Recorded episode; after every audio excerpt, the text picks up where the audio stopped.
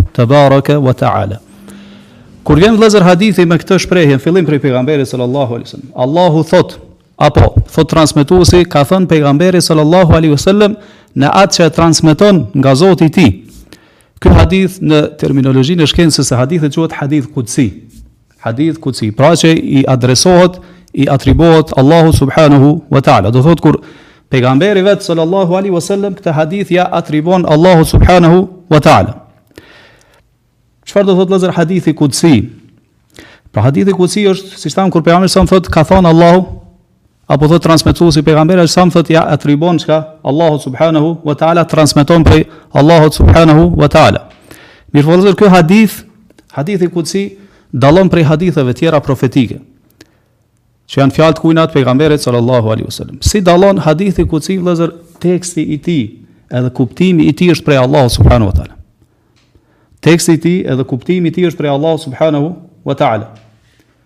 Ndërsa hadithet tjera, do të thonë që janë hadithe profetike, teksti, fjalët janë prej kujna, prej pejgamberit sallallahu alaihi wasallam, ndërsa kuptimi është çka prej shpallës do të prej Allahu subhanahu wa taala. Çka është dallimi vëllezër mes hadithit profetik edhe hadithit kutsi? që i atribuojmë Allahut subhanehu ve teala. Pra siç thotë Allahu për këto hadithet profetike, "Wa ma yantiqu anil hawa." Pra ai pejgamberi sallallahu alaihi wasallam nuk flet nga tekat, nga dëshirat e veta, "In huwa illa wahyu yuha." Ajo çfarë thot ai është vetëm shpallje që i shpallet atij.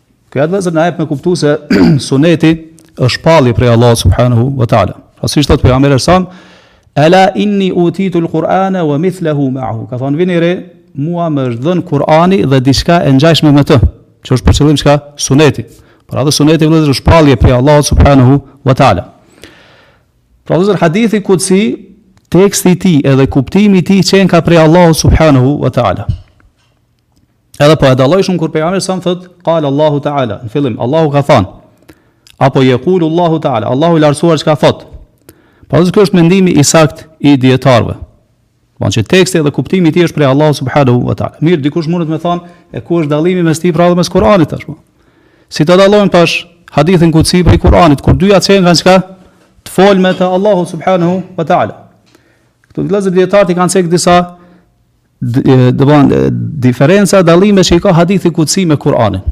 Ato prej tyre vëllezër janë që ne do të thotë me Kur'an kryejm adhurim ndaj Allah subhanahu wa taala. Do thot kur ti e lexon Kur'anin, kryen adhurim ndaj Allah subhanahu wa taala edhe për to çka shpërblehesh, për çdo shkronjë që e lexon.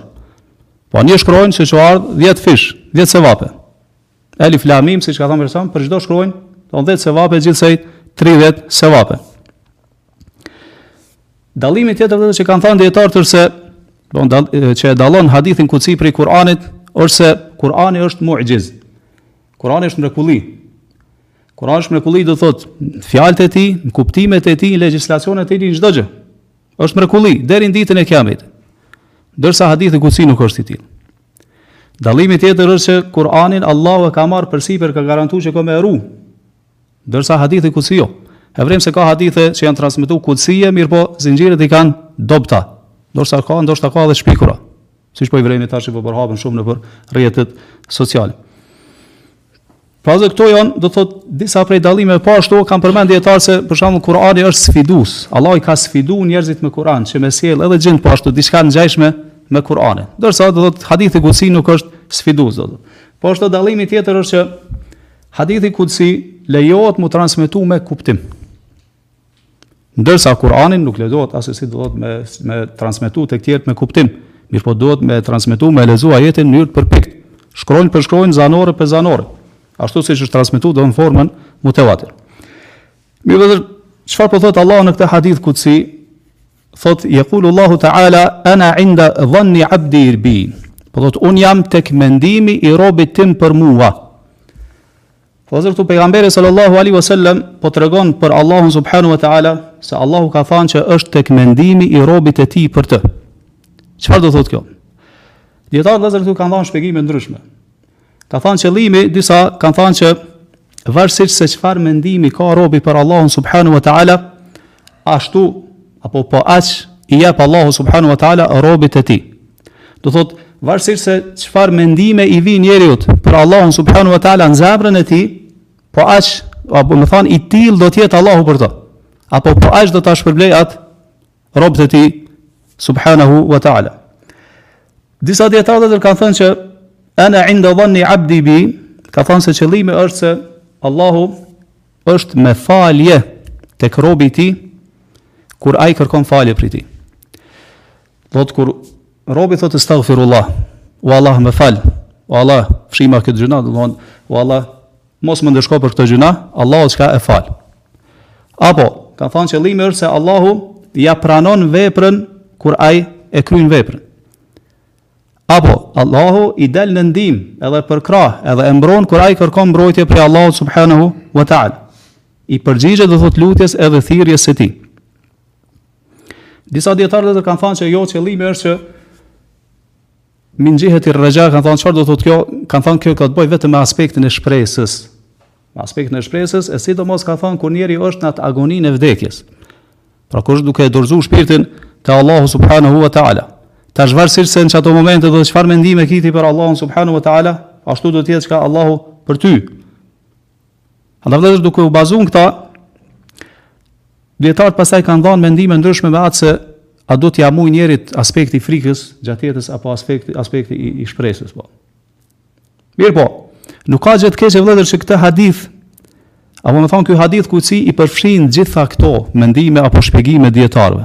Do thotë ana inda dhanni abdi bi po thotë Allahu unë jam tek mendimi i robit tim për mua, po vërejmë se Allahu nuk e ka kufizuar me diçka. me naj gjendje, me naj situatë, me një rrethanë, mirëpo e ka lon çka të pakufizuar. Andaj i përfshin të gjitha, jo vetëm rastin kur njeriu është duke vdek, duke e dhënë shpirtin. Jo vetëm në një aspekt, do thonë, në një gjendje, në një rrethanë, jo. Do thotë është tek mendimi i robit të tij që e ka për të subhanahu wa taala. Pra vëllezër pra për çka do të thotë kjo?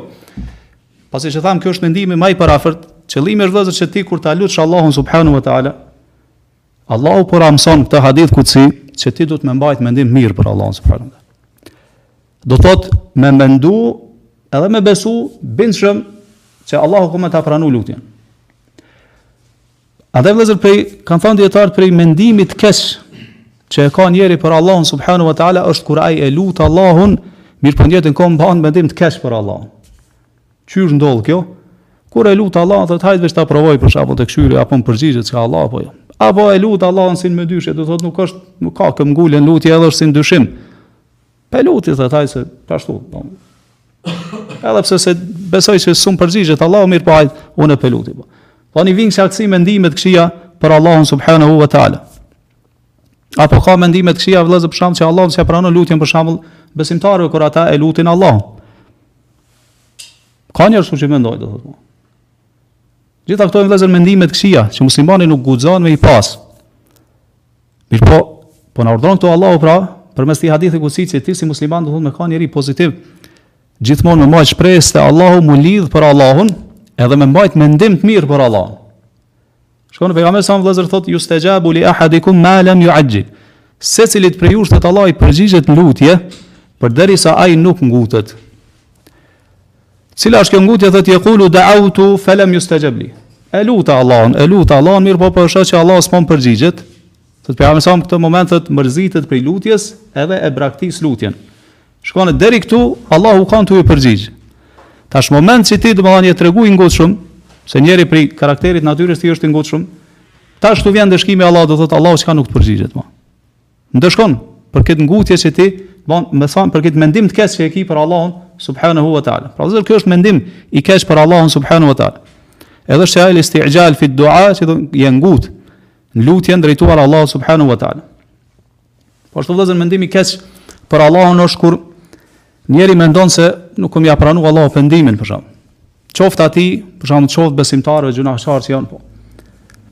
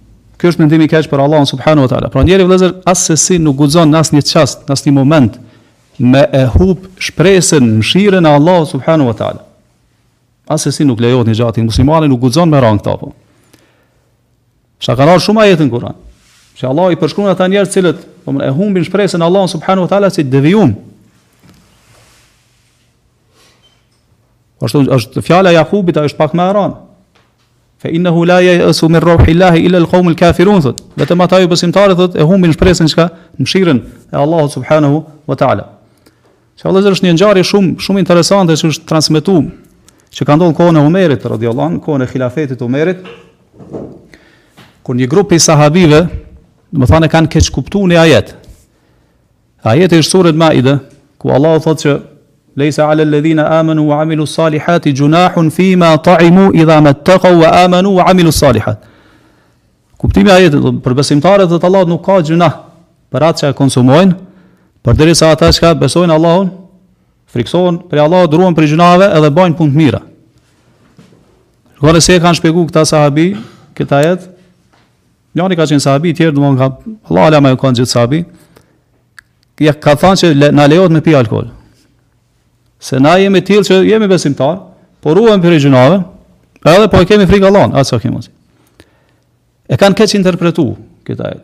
Edhe tash kur i ka mrri lajmi Omerit radhiyallahu an, thotë ka urdhëruar që me shku dikush edhe me ia sqaru çështjen qysh është domethanë. Nuk është domethanë shpjegimi i ajetit ashtu qysh ju po mendoni.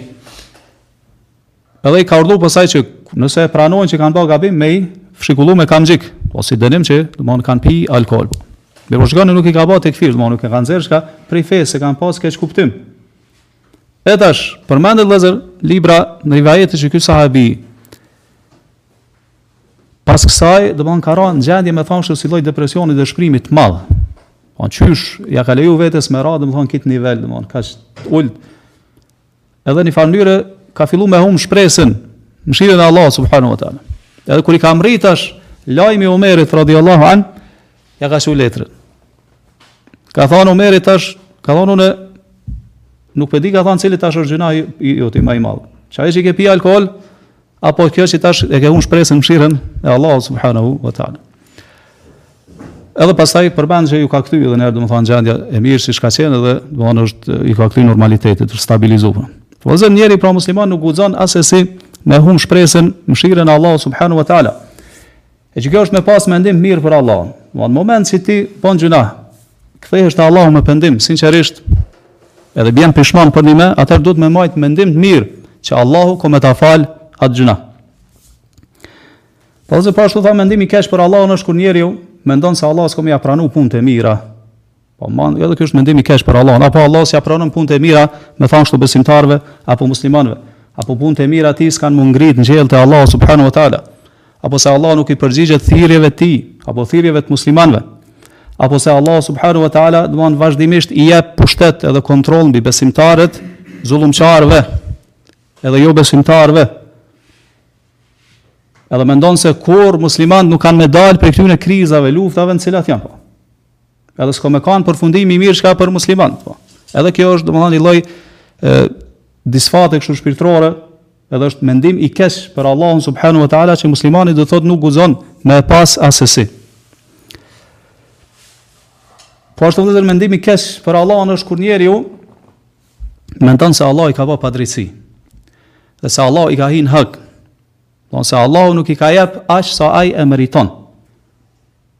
Apo se Allahu do thotë e ka sprovu me diçka që ky nuk e meriton. Për shembull e ka sprovu, e sprovon Allahu me një smundje të rëndë. Edhe ky tash mendon do thotë se Allahu e ka sprovu më shumë se sa ky që e meriton, ose domethënë nuk e ka merituar këtë sprovë, këtë bela që ja ka dhënë Allahu subhanahu wa taala. Mendimi i keq është vëllezër po ashtu kur njeri mendon për Allahun se Allah e ka privu prej shumë të mirave të dunjallëkut. Edhe ky është mendim i keq, apo e ka privu për shembull prej fëmijëve, apo prej çfarëdo gjëje me të cilën ai mundet me përfitu në jetën e kësaj bote. Edhe sidomos nëse është njeri i kapun për feje, edhe e sheh domethënë se Allahu po, do thotë, nuk i ka dhënë disa gjëra, e sheh se njerëz tjerë domethënë që janë çka më pak, më të ulët se ai në praktikimin e fesë, Allahu çka po ia zgjeron rrizkun, po i jep domethënë të mira materiale,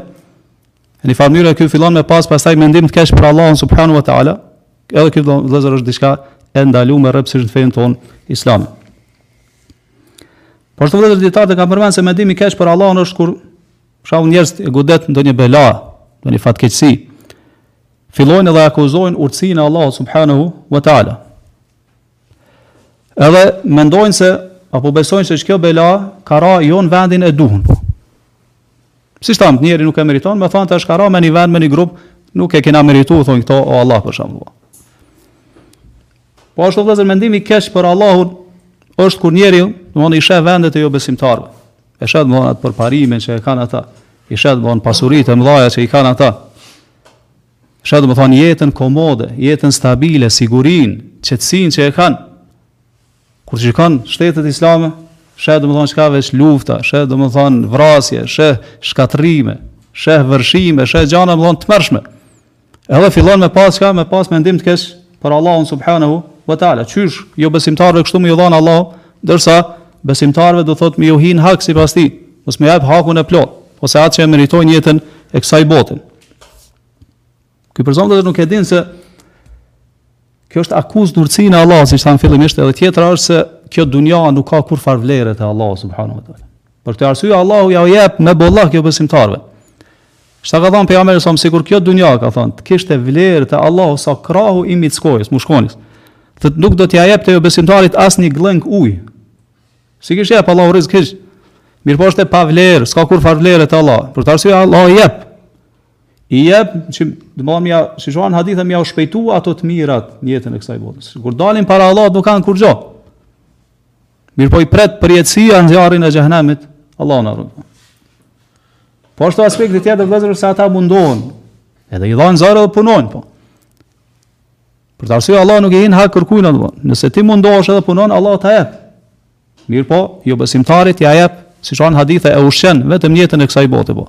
Se Allahu është i drejtë, nuk i bën padrejtësi askujt. Dhe edhe këto çështje duhet me i pas, do thotë, t'qarta, do të me i pas t'qarta mos me i hi ksi vesvese ksi cytje muslimanit. Po. Po kjo jetë domethënë është sikur një ëndër, një një një çast i shkurt në krahasim me botën tjetër. Andaj muslimani nuk duhet mu mashtru me kënaqësi të përkohshme këtu, edhe nëse sprovohet ka bela t'ndryshme, thonë e din se e pret jeta e përjetshme. Po shpërblimi i përjetshëm i Allahu subhanahu wa taala, e pret xheneti. Aty kur hyn domethënë thotë pejgamberi se ki me kanë i ri kurr s'ki mu plak, ki me kanë gjithmonë i shëndetshëm kurr s'ki mu smu. Rrobat kurr s'kanë me t'u shkyer në trup. Po kjo është domethënë ajo kënaqësia, të cilën e synon secili. Po. Jo kjo kënaqësi e shkurt në jetën e kësaj bote. Vllezër gjitha këto janë mendime të këqija, thonë që i ka njeriu për Allahun, po ashtu dijetarët kanë përmend shembuj t'ndryshëm vëllezër, për shembull është sikur këtu n'shoqërinë tonë është e përhapur këtu, ndoshta edhe në vende të tjera, Kur mendojnë njerëz për shembull se njeri kur të fillon me praktiku fen apo naj motër kur fillon me praktiku fen, ky tash, ky njeri s'ka me pas kurrfar suksesi në jetën e kësaj bote po. Ka mu privu prej rrizkut, ka mu privu prej martesës, s'ka me pas domethënë, ka mu bë barrë për tjerët e kështu me radhë. A realiteti dëshmon krejt kundërtën. Na vrejm se mashallah, domthon shumica vëllezërve motrave janë shumë përparimtar. Edhe kanë arrit shumë, domethanë kanë ba bashkë mes fesë edhe dunjas, po. Dy të mirave, po. Edhe i kanë lanë mrapa shumë, prej atyne që janë, do me thanë jo praktikues të fesë. Kjo vllezër është mendim i keq, me pas njeri për Allahun subhanahu wa ta'ala. Pra muslimani duhet me pas mendim mirë se ti, kur kapesh për fenë e Allahut subhanahu wa ta'ala, atëherë je i afër me Allahun. Kur je afër me Allahun, Allah të jep sukses, të mbron edhe të përkrah, edhe përfundimi i mirë ka me kanë për ty. Po kështu njeri duhet me pas mendim mirë për Allahun. Dhe ky mendim i përfshin gjitha këto. Nëse pendohesh, ki mendim mirë për Allahun se Allah ta pranon pendimin. Nëse e lut Allahun, ki mendim mirë për Allahun se Allah ta pranon. Nëse do e bën punë të mirë, ki mendim mirë për Allahun se Allahu ka me ta pranu atë punë të mirë. Shkon Sheikh Sa'di e kemi përmend vllazër rahimahullah ka qenë prej njerëzve domethënë që tregojnë ka qenë ma i lumtur në jetën e kësaj bote. Sa që e përshkruan një nxënës i tij thotë ka qenë sikur një person që ka hinë xhenet, ka dalë prej tij edhe ka ditë se ka me u kthy edhe një herë në xhenet. Po.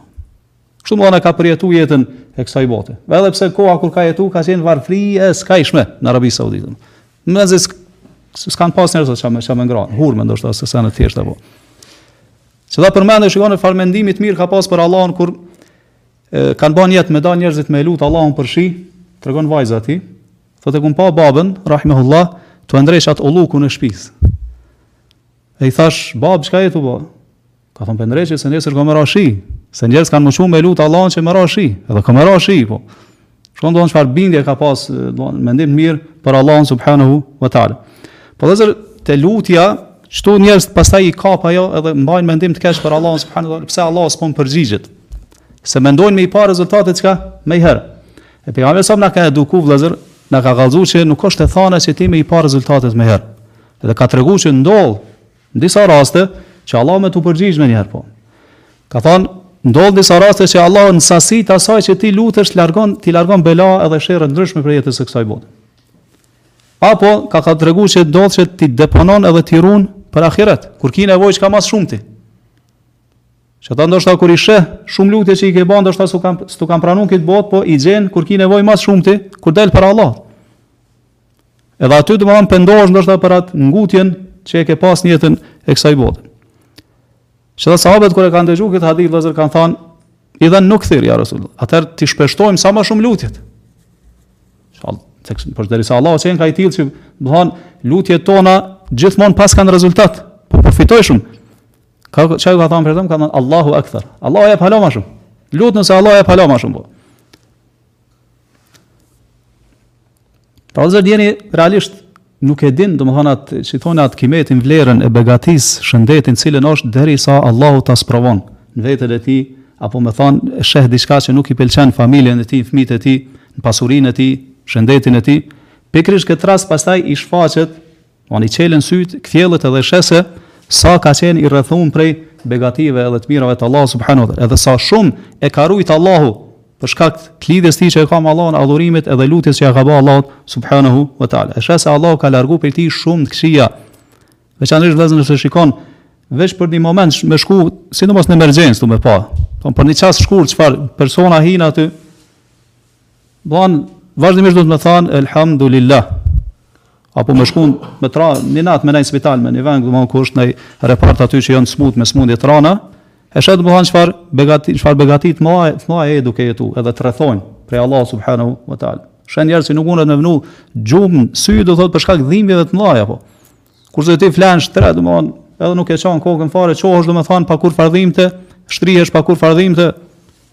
Po këto janë begati të mëdha që na duhet me falënderu Allahun vazhdimisht për to, edhe mos me majtë mendim të keq për Allah. Shikoni vëllezër ajo gruja zezake që ka qenë kohën e Pejgamberit s.a.s. Ka qenë e sprovume me epilepsi.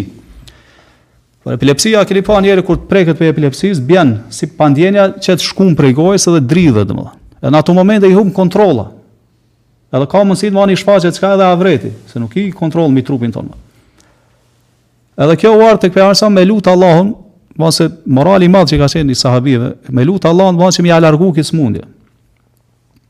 Se ka thonë që, domethënë kur po më kap ajo, po më do ka e, po më zbulohet avreti, po. Shikoni Pejgamberi s.a.s., ka thonë, nëse don e lus Allahun, ta largon, menjëherë, po. Ka thonë, nëse do duro, mirëpo, premtim e ki xhenetin, po. Zgjidhe, cilën opcion, po, dhe. Çka ka zgjedh kjo? Ka thon po duroj edhe po un po, po du me pas çka xhenetin. Mirpo i ka thon lut Allahun që kur të më prek qajo gjendje mos më zbulu avreti. Edhe ka lut Pejgamberi s.a.s. Shikoni vëllezër çfarë mençuri domethënë ka pas kësaj. Se ka ditë se pa marrë parasysh sa zgat, domethënë kjo smundje, kjo jetë, prapë se prapë ka një fund. Përfundon. Andaj nuk ia vlen me këmby çka me përjetësin me xhenetin po. E premtimi Pejgamberit s.a.s. ka qenë i vërtetë. Domethënë i ka tregu që për ty, patjetër pa, po, ka me qenë xheneti nëse duron. Edhe kështu, kjo është prej banorëve të xhenetit. Po vëllezër njeri sa të jeton në jetën e kësaj bote duhet me pas mendim të mirë për Allahun subhanahu wa taala. Pastaj nëse ndodh diçka naj fatkeqësi, ndonjë gjendje e rëndë, mos me mendu, mos me pa jetën të errët, zymtë, që domethënë tash mori fund gjithçka gjithçka për ty. Nuk ka më rrugëdalje, nuk ka zgjidhje, po.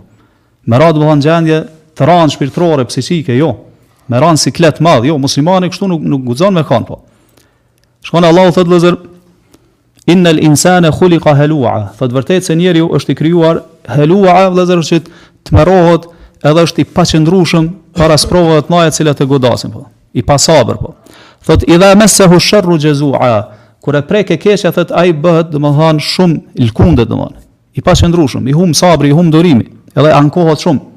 Thot wa idha massahu al-khayru manu'a, e kur e prekun të mirat, thot ai bëhet shumë koprac. Illa al-musallin, thot Allah me përjashtim të atyre që falin namaz. Pastaj i përmend edhe disa cilësi të tjera.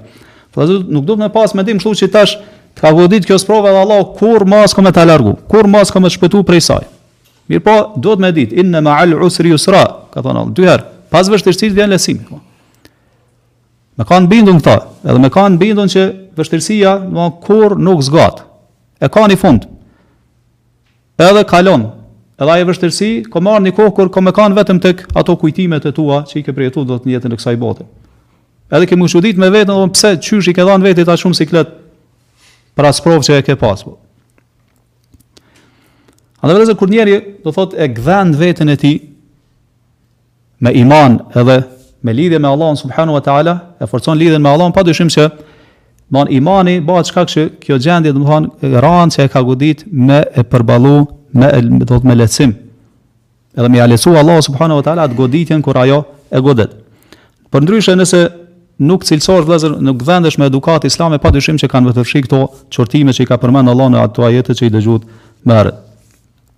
Vazhdo njerëzit këto kanë dallim tani varësisht se çfarë imani ki, do thonë. Varësisht çfarë imani ki edhe varësisht me çfarë e ki zemrën mbushun.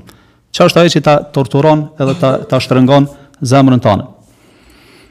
Pra zë po ashtu kur njeri ka gjynahe shumë, njeri kur të pendohet prej gjynaheve, pra me mbajtë mendim t' mirë për Allah subhanu wa ta'ala që Allahu të falë. Mos me thanë që ja Allah, ta shumë, çka, gjynahet e mija janë shumë, Allahu mu kurrë s'më falë, Se kjo është et ta'alli ala Allah. Ti tash në njëfarë mënyre po, po e merr rolin e Allahut, po, po e merr statusin e Allahut, nuk guxon kështu. Kush guxon me thonë se Allahu s'e fal dikon? Shikoni është një ngjarje që e tregon pejgamberi a.s. që ka ndodhur domethënë tek bijtë e Israilit. Ka qenë një njeri i mirë, i devotshëm shumë shumë, edhe një njeri gjynahqar. Edhe ky i devotshmi, thotë pejgamberi a.s. ka kalu pranë këtij duke bërë gjynah, i ka thonë kije frikë Allahun, kije frikë Allahun, çka je duke bërë. Mirëpo ai s'e ka dëgju. Ky vazhdimisht e ka këshillu, ai nuk e ka dëgju, derisa një ditë është nervozu shumë ky, qysh nuk po e dëgjon këshillën e tij. Ka thonë, pasha Allahun, Allahu kurrë s'ka me të falë. Përmendet n' disa hadithe që Allahu domethonë ua ka marrë të dyve shpirtin atë çast. Edhe Allah ka thonë men ladhi men ladhi men men dhe ladhi jeteala alej. Kush është ai që po më sfidon mua në njëfarë mënyre, po. Edhe i ka qit para vetes. Thonë edhe i ka tregu Allah që këtë e kam falë kurse ty krejt veprat t'i kam shkatruar. Po. Krejt veprat çka ka bërë deri n'atë çast po. Pra duhet me pas kujdes, domethënë njeri gjithmonë duhet me pas mendim t'mirë për Allahun subhanahu wa taala. Shikoni vëllezër edhe domethënë çështjet e randa, sprovat e mëdha në të cilat kalon për shembull umeti islam apo muslimanët në botë apo në një vend t'caktun Gjithmonë duhet me pas mendim t'mirë për Allahun subhanahu wa taala. Shikoni sa e sa prej sahabive e kanë luftuar pejgamberin alejhi selam. E kanë torturuar pejgamberin alejhi selam. Kanë qenë domethënë arrogantë, edhe kanë kanë bë sulme kundër muslimanëve, i kanë torturuar muslimanët, në fund janë bë muslimanë. Si thotë Allah, yukhrijul hayya min al-mayyit. Allahu e nxjerr t'gjallin prej t'vdekurit. Një prej shpjegimeve është domethënë që e nxjerr muslimanin prej jo muslimanit. Po është njeri jo musliman e nxjerr e bën fëmijën e tij musliman po. Shikoni Abu Jahli, Ikrime radhiyallahu an, u bë musliman, sahabi. Abu Jahli do të jetë përgjithmonë n'zjarrin e xhehenemit. Për Ikrimen themi çka radhiyallahu an, deri në ditën e Kiametit. Po ashtu kemi Abu Sufjanin vëllazër, radhiyallahu an. Abu Sufjani ka qenë domthon person i cili ka luftuar shumë muslimanët dhe i ka urrejt shumë muslimanët. Edhe domthon ka bë luftra të mëdha kundër muslimanëve, ka organizuar. Mirëpo ma vonë është bë musliman.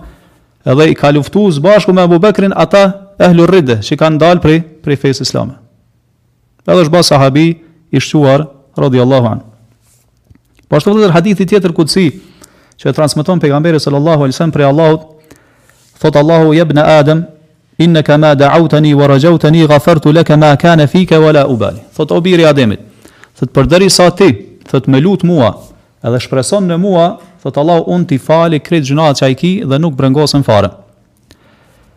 Shikoni vëllezër, mirëpo Allahu po kushtëzon këtu, më lut mua dhe shpreson mua. Siç e kemi thënë tash e disa herë, mendimi i mirë në Allahun subhanuhu teala është ai i cili e shoqëron vepra. Jo me pas mendim t'mirë për Allahun çka pa vepru kurrgjë. Se ky është mashtrim. Ky është mashtrim, është shpresë e kotë.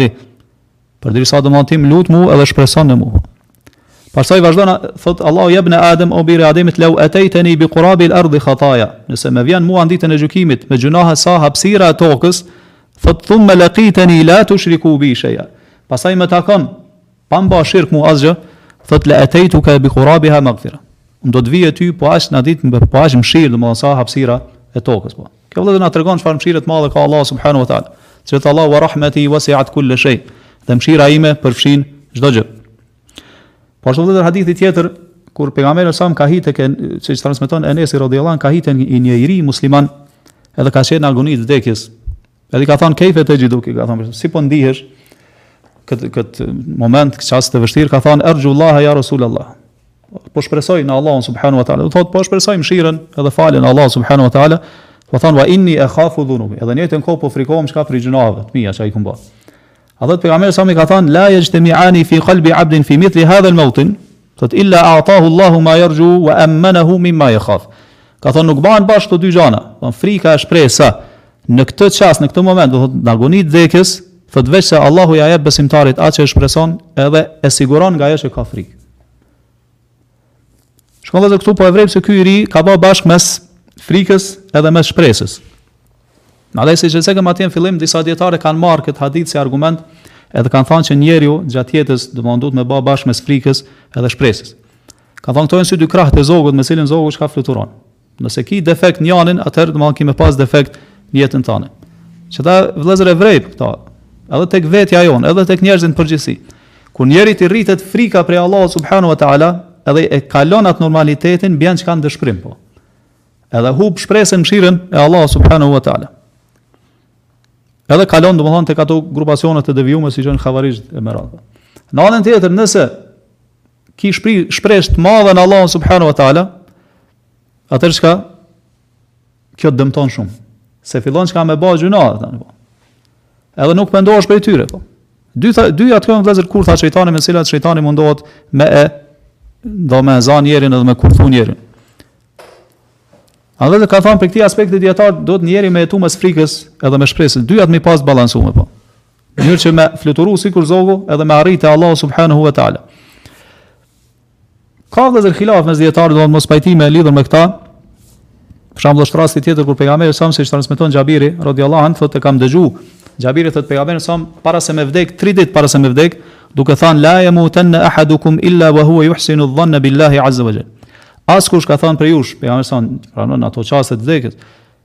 Kur veç ka fillu domethanë agonia, ka thënë askush prej jush assesi të mos vdes ndryshe veç se duke pas mendim të mirë për Allahun subhanahu wa taala.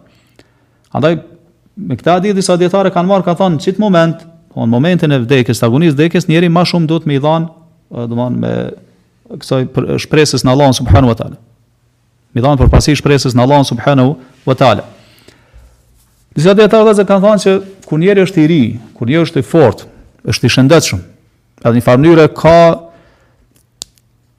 ka mundësi me ba ma shumë gjynahe, edhe e nxit vetja me ba shumë me ba gjynahe, E ka domethanë atë, me thënë atë arrogancën e rinisë shumë. Ka thënë këtë rast njeri ma shumë duhet me e shtu dozën e frikës po, tek vetja. Mënyrë që me zbrap do thotë çka prej gjynaheve. Ndërsa kah pleqnia, kur ia nisin ato smundjet edhe veç bahet gati njeri çka për ahiret, atër thonë ma shumë me ronu anën e shpresës në Allahun subhanahu wa ta'ala. Domethanë ka mendime të ndryshme vëllezër dijetarë. Shikoni vëllezër një ngjarje tjetër interesante,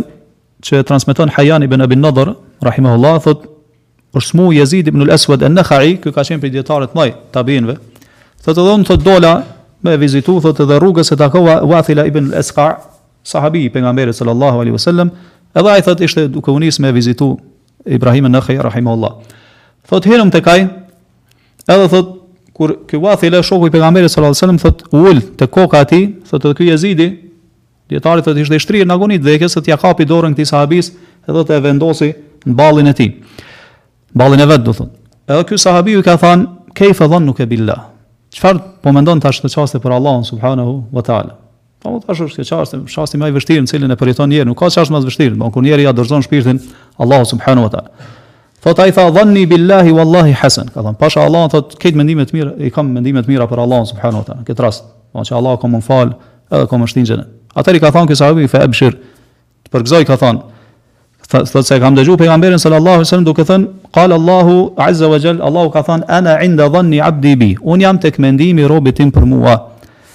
In dhanne bi khejren feleh, nëse ai mendon mirë për mua, ashtu, ashtu do të gjen, wa in dhanne sharren feleh, nëse mendon keq, ashtu do të gjen. Po, po vetëm si që cekëm, kjo nuk kufizohet pra mendimi i mirë vetëm në një gjendje, apo në një situatë në një rrethanë, mirëpo, pra i përfshin gjitha situatat dhe gjitha rrethanat. Mirë kalojmë gjithashtu tek pjesa tjetër e hadithit,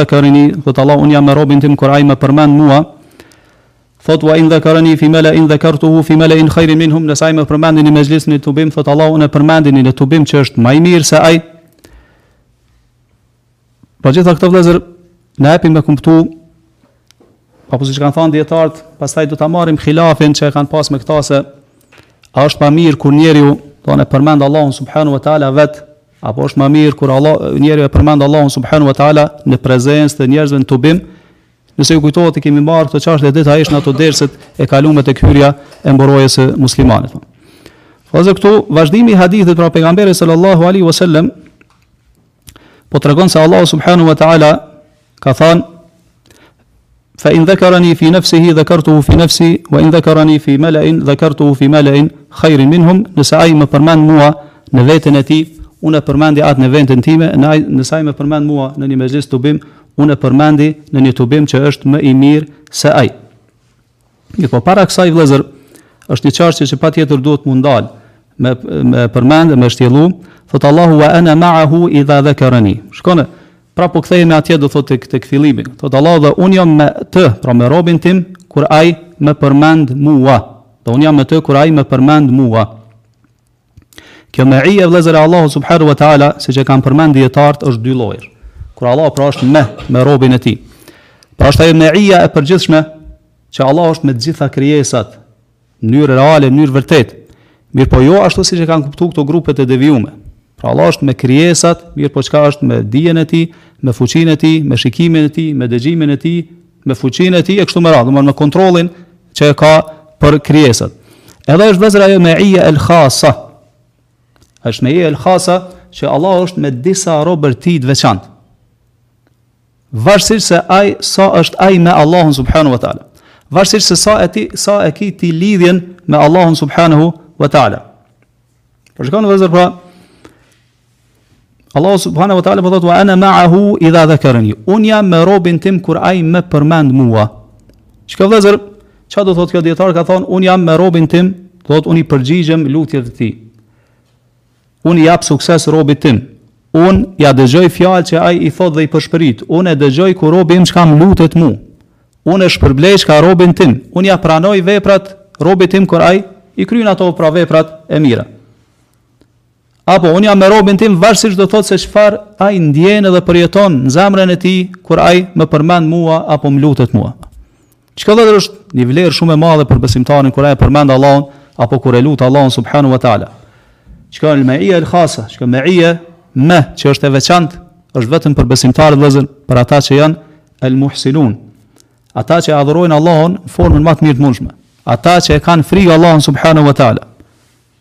Allahu thotë inna Allaha ma'al ladhina ittaqaw wal ladhina hum muhsinun. Allahu është me ata që i frikohen Allahut, po që i kryejnë obligimet dhe ruhen prej gjynaheve, wal ladhina hum muhsinun dhe ata që janë muhsinun, po që i kryejnë veprat në formën më të mirë të mundshme të përkryer. Po.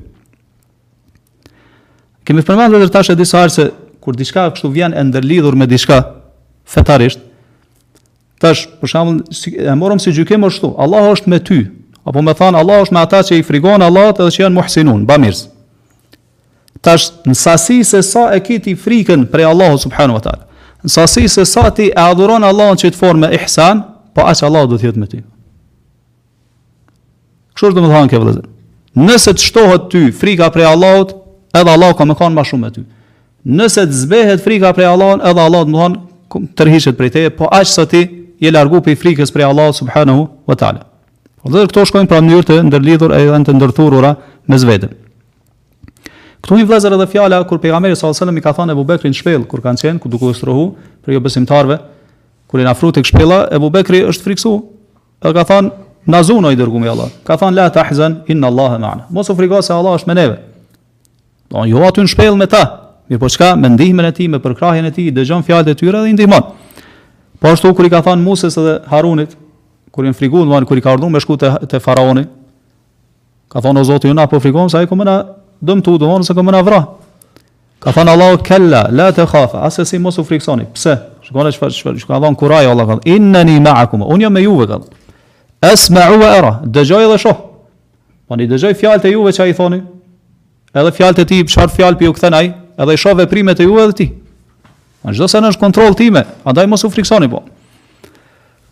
Që kjo meije vllezër, tash po ndërlidhet me atë te cilësitë e Allahut subhanahu wa ta'ala, assesi nuk bjen ndesh me të qenurit e Allahut lart mbi fron, në arsh.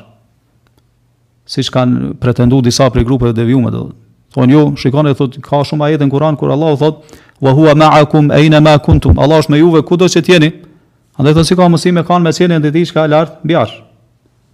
Si kundërpërgjigje e këtyre, kjo është fare thjeshtë. Ne vëllezër e vrem se edhe te krijesat kjo është e mundshme. Për shembull arabët thonë sirna wal qamaru ma'na. Ecëm natën, natën gjatë natës dhe hanën e kishim me vete. A ke pa ka të ecësh hana edhe pse është lart çka? Është me ty po. E si është çështja çka me me krijuesin. Kjo është vetëm sa me përafru pak, se diçka mundet me kanë lart edhe me kanë çka me ty.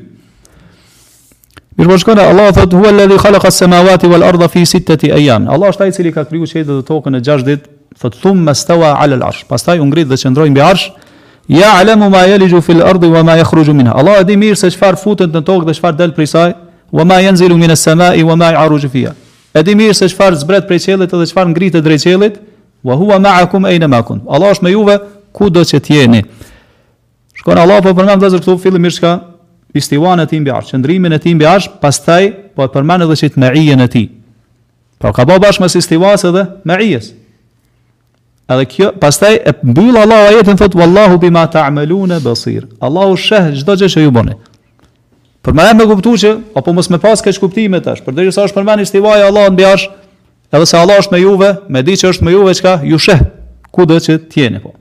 Kështu vëllazër duhet me kuptu sakt ajetet. A do të ashtu siç kanë shpjeguar brezat e parë të Islamit.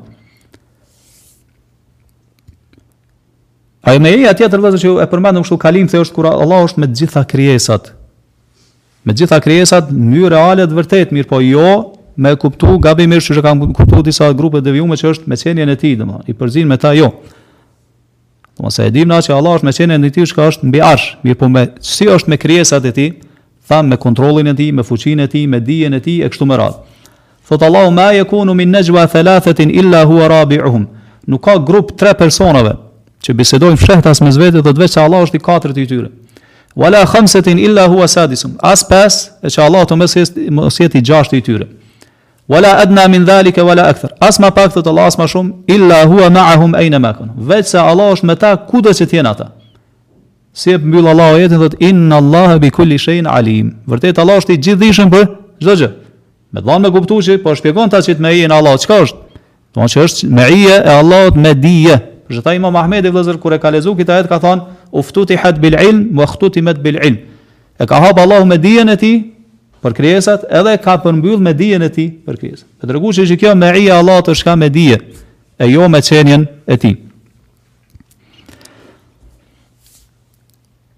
Mirë vëllezër, kemi përmend këto do të thotë se çka është më mirë me përmend Allahun do të thotë a me ngrit zanin, a me përmend kur je vet, a me përmend kur je para njerëzve, kemi shtjelluar këtë në detaje, nuk po ndalemi këtu. Mirë po një, një pikë këtu që është e rëndësishme me përmend, kështu po thotë pejgamberi sa nëse njëri e përmend këtë hadith kudsi po thotë Allah nëse njëri e përmend Allah në një mexhlis, Allahu e përmend në një mexhlis që është më i mirë se ai, do të mexhlisi çka i engjëve. E përmend Allahu mburr, mburret me ty, përmend emrin tond do thot para engjëve, para parisë më të lartë engjëve, bartësve të arshit. Saqë disa dietarë prej këtij hadithi kanë marr argument se engjëjt janë më të mirë se njerëzit. Se po thot Allahu në një mexhlis më të mirë se aty ku janë çka njerëzit po.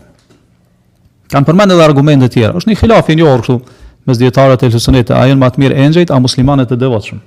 Disa thonë engjëjt, argumentojnë me këtë hadith e argumente tjera, disa thonë jo njerëzit.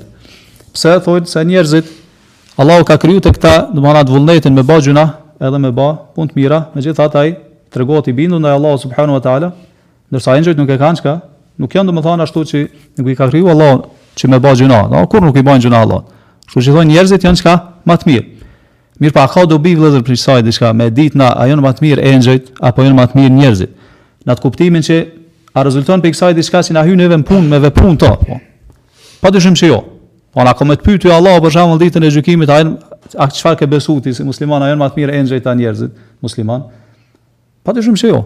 Kështu nuk ka ndonjë farë dobie të madhe vëllezër nëse njeri, po kështu e kanë përmend dijetarët, mirëpo këta e përmenda me qëllim që, po janë disa çështje kështu, do divergjenca, do diferenca, do mospajtime dietarëve që ka herë, domethënë, nuk ka fort mirë njeri m'u nal te to, sepse nuk ka diçka që të hynë shumë punë, domethënë. Po.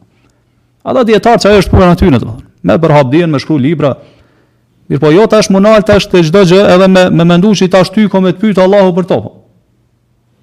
Pse s'e ke ba qafir për shembull filanin, pse s'e ke ba çka bidaxhi për shembull çka filanin po. Disa njerëz këtu mendojnë se Allah përnjëmend ka me të pyet për këto çështje çka në ahiret po. Atëherë duhet me pas kujdes do të. Mos me e tepru. As mos me u tregu i shkujdesur, mospërfillës as mos me e tepru këto gjëra po me kanë gjithmonë mesatar.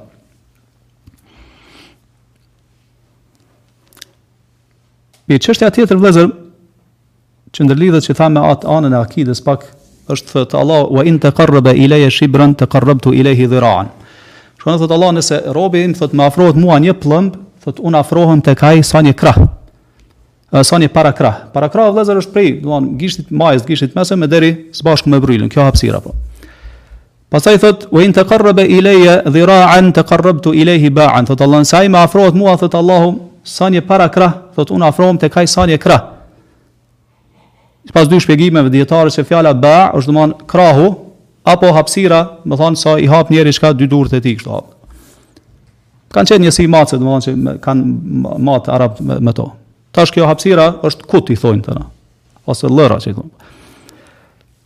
Mirë edhe këtu dijetarët tash, te dijetarët e ehli sunetit, ku i kemi dy mendime. Prej këtyre, po e vërejmë se, po përmendet këtu një cilësi e Allahut, subhanahu wa ta'ala, prej cilësive.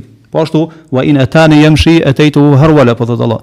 Nëse ai më vjen mua duke ecur, thotë Allah, unë shkoj tek ai duke nxitu. Herwala është një ecje e shpejtë, domethënë është mes ecjes edhe vrapimit. Disa dijetarë vllezër kanë thënë çfarë është qëllimi i këtij hadithi. Po flas gjithmonë dijetarët e sunetit, domethënë dijetarët e selefit. Jo ata domethënë që e kanë përzi akiden me filozofinë. Që ky afrimi i Allahut subhanu wa ta'ala kanë thonë, a duhet me e kuptu kështu në mënyrë sipërfaqësore, që përnjëmend është çka cilësi e Allahut subhanu wa ta'ala, që përnjëmend afrohet tek robi, ashtu siç i takon çka madhështisë së tij,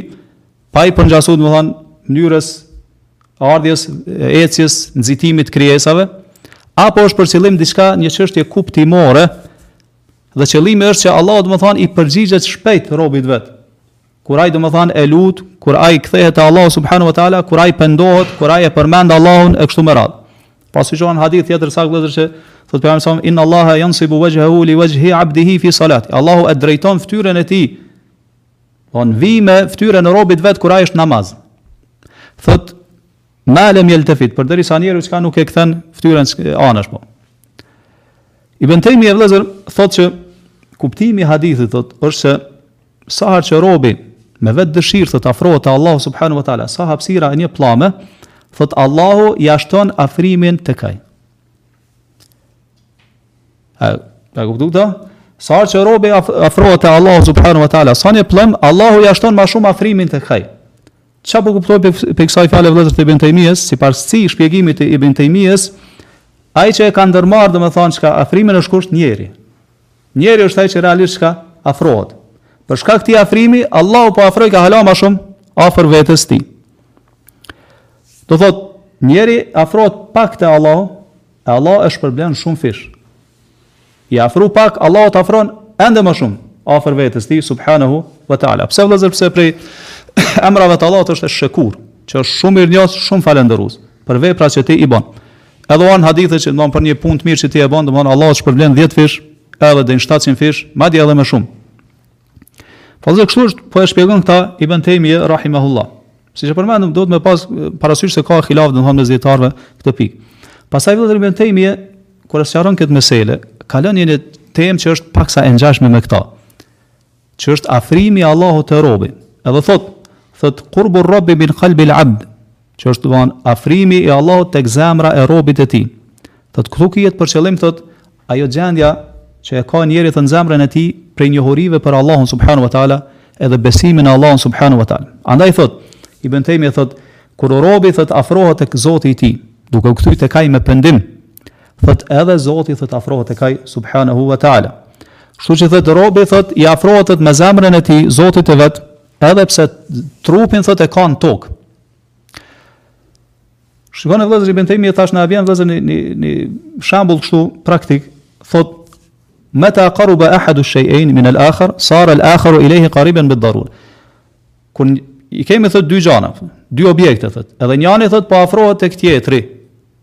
Thot patjetër që edhe ky ka mu afru çka te ky tjetri. Patjetër, përderisa ti po afrohesh drejt tij, ky patjetër ka me kanë edhe ky çka afër teje.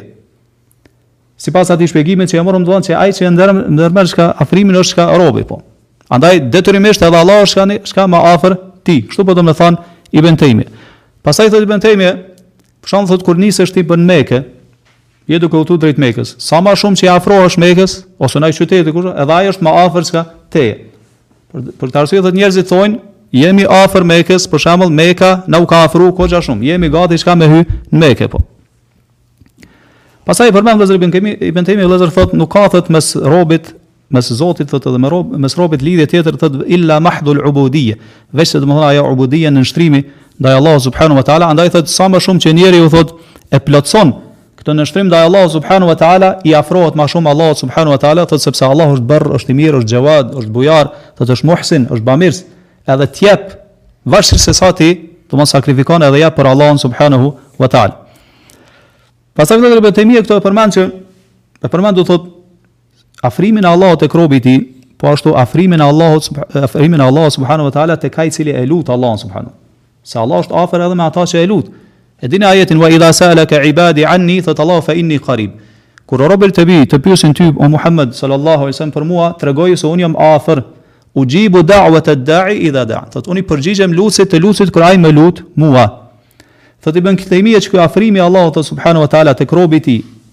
Kur ai adhuron Allahun, edhe kur ai e lut Allahun subhanahu wa taala, thotë është afrim khas, thotë shumë i veçantë. Sikur po na jep Ibn Tejmije vëllazër këtu me kuptu që nuk është vetëm, domethënë, afrim kuptimor. Afrim kuptimor. Mirëpo diçka ende më veçantë. Shikoni se çfarë thotë ashtu vëllazër Ibn Tejmije, thotë personi thotë i cili e lut Allahun, personi thotë i cili është në sexhde,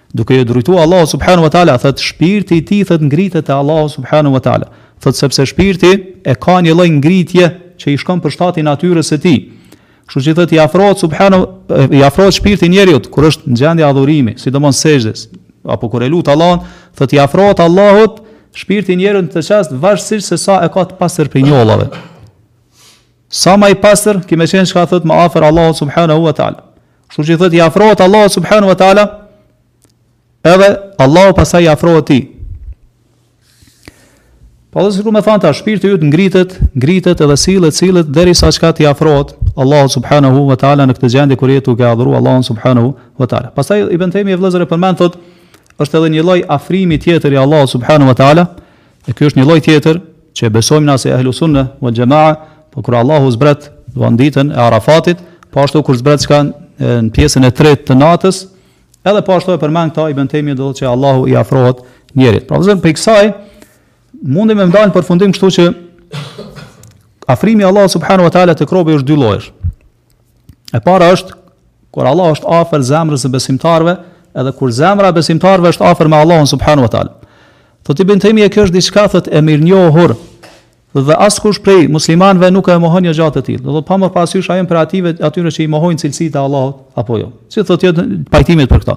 Se është diçka thotë që gjithë e dinë.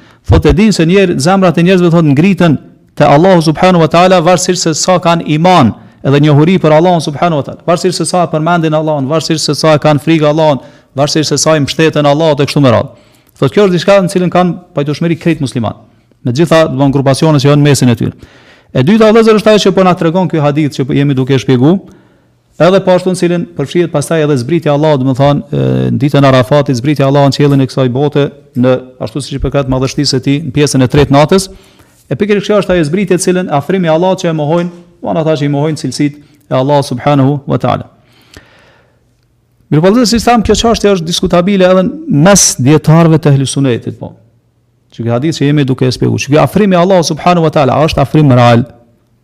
si cilësi e Allahut që duhet me ia pohu, apo është diçka kuptimore.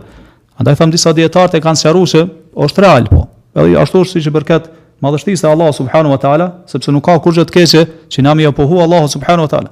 Thojnë përderisa na besojna si ehlu sunne që Allahu vjen ditën e kiametit, apo?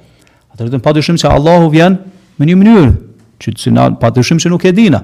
Andaj thotë nëse na sqarohen hadithet që vjen duke nxitu, nuk kemi kurfar probleme që me me ia pohu këtë cilësi Allahut. Përderisa po e pohojmë që Allahu vjen, çka ka të keqe thonë me ia pohu që Allahu vjen te robi duke çka nxitu. Mirëpo gjithmonë duke mos ia ngjasu, do thot cilësitë e Allahut me cilësitë e krijesave. Po vëllazër, sido që të jetë domethënë ky hadith, sikur gjitha hadithet e tjera që domethënë flasin për veprimet e Allahut subhanu wa ta'ala që janë el ef'al el ihtijarije, që Allahu do thot i ndërmerr kurdo që don, që ndërlidhen do thot me dëshirën vullnetin e Allahut subhanu wa ta'ala, për këto, po, disa dijetarë e kanë sjellë vëllazër një, një pytje, domethënë e kanë shtru një pytje, Dhe kanë thënë që nëse themi që është, do me thënë për qëllim ana sipërfaqësore që me ia pohu Allahut këto cilësi. Ka thënë atëherë këtu na paraqitet një problem, e thonë që nëse shpjegojmë hadithin në këtë mënyrë, thonë që sipas këtij shpjegimi, atëherë ky afrim i Allahut subhanahu wa taala thonë veçohet vetëm me ato adhurime ku ka çka ecje.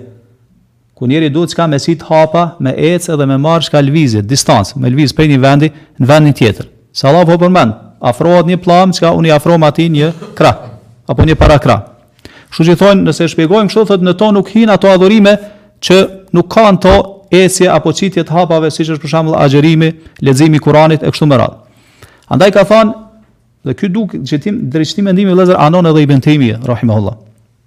Pra tregon që domethënë, ky kuptim është ma gjithëpërfshirës, edhe është, edhe shejh Uthejmini, e përkrah këtë mendim që është ma mirë me shpjegu hadithin sipas tij.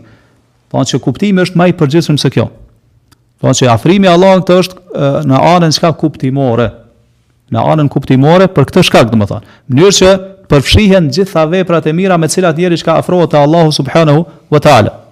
Edhe kanë thonë Allahu, këtë Afrimin e njerit sa një pllam, sa një parakrah e ka përmend vetëm sa për ilustrim. Për këtë arsye thonë Allahu ka përmend se veprat e mira i shpërblen çka 10 fish. Ngase ku mundet m'u krahasu, domethan pllama e njerit çka me parakrahun e tij. Nuk mundet me kanë sa një e dhjeta e parakrahut tij. Kështu që kanë thënë kjo është vetëm sa për për ilustrim, edhe me tregu se kur njeri afrohet te Allahu subhanahu wa taala, Allahu e mbulon me mirësi, edhe i jep shumë, më shumë se se ai çka jep për Allahun subhanahu wa taala. Se Allahu vëllon shpejt e shpërblen, shpejt i përgjigjet thirrjes tij, lutjes tij, shpejt ia pranon pendimin, gëzohet me pendimin e tij e kështu me radhë.